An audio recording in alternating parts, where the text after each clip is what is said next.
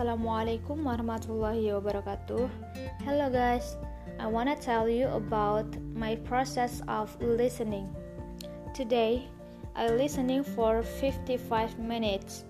I particularly listening when I was at home after I finished cooking.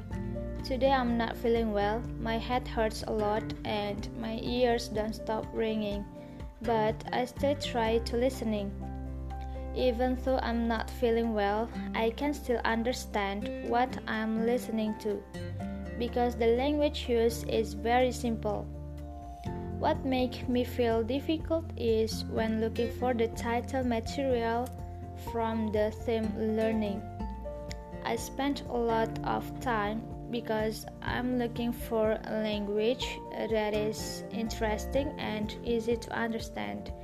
And I found seven unfamiliar words such as perpetual, awareness, distracted, guaranteed, discovered, unconsciously, massive, and necessary.